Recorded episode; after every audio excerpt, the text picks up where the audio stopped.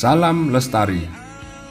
Jumpa lagi dengan saya Agung PW dari Kota Budaya Yogyakarta. Setelah membahas sistem pengelolaan sampah yang konvensional, sekarang saya akan menyampaikan pola pengelolaan sampah yang berbeda. Apa itu? Mari kita simak bersama.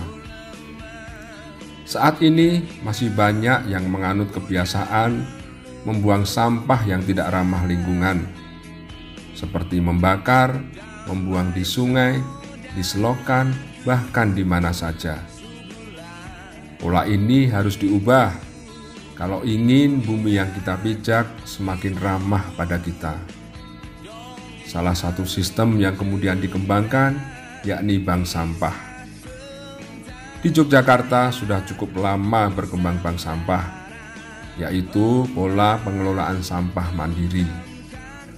Sampah yang ada dipilah, dikumpulkan, kemudian pengelola akan menimbang dan menjual kepada pengepul.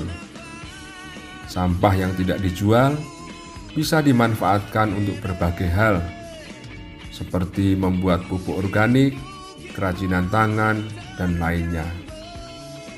Bank sampah sebenarnya berkembang cukup pesat di Yogyakarta tetapi tidak banyak yang dapat bertahan.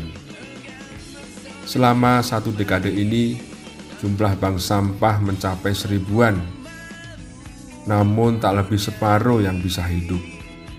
Sisanya boleh dibilang mati suri. Bank sampah sebenarnya sangat membantu menurunkan volume sampah. Idealnya dapat mengurangi volume sebanyak 25 hingga 30 persen. Akan tetapi, kondisi sekarang masih jauh dari angka itu. Pemerintah harus mendorong agar bank sampah makin aktif dengan memberi insentif dan pendampingan. Bagaimana kondisi bank sampah saat ini? Akan kita bahas di edisi mendatang.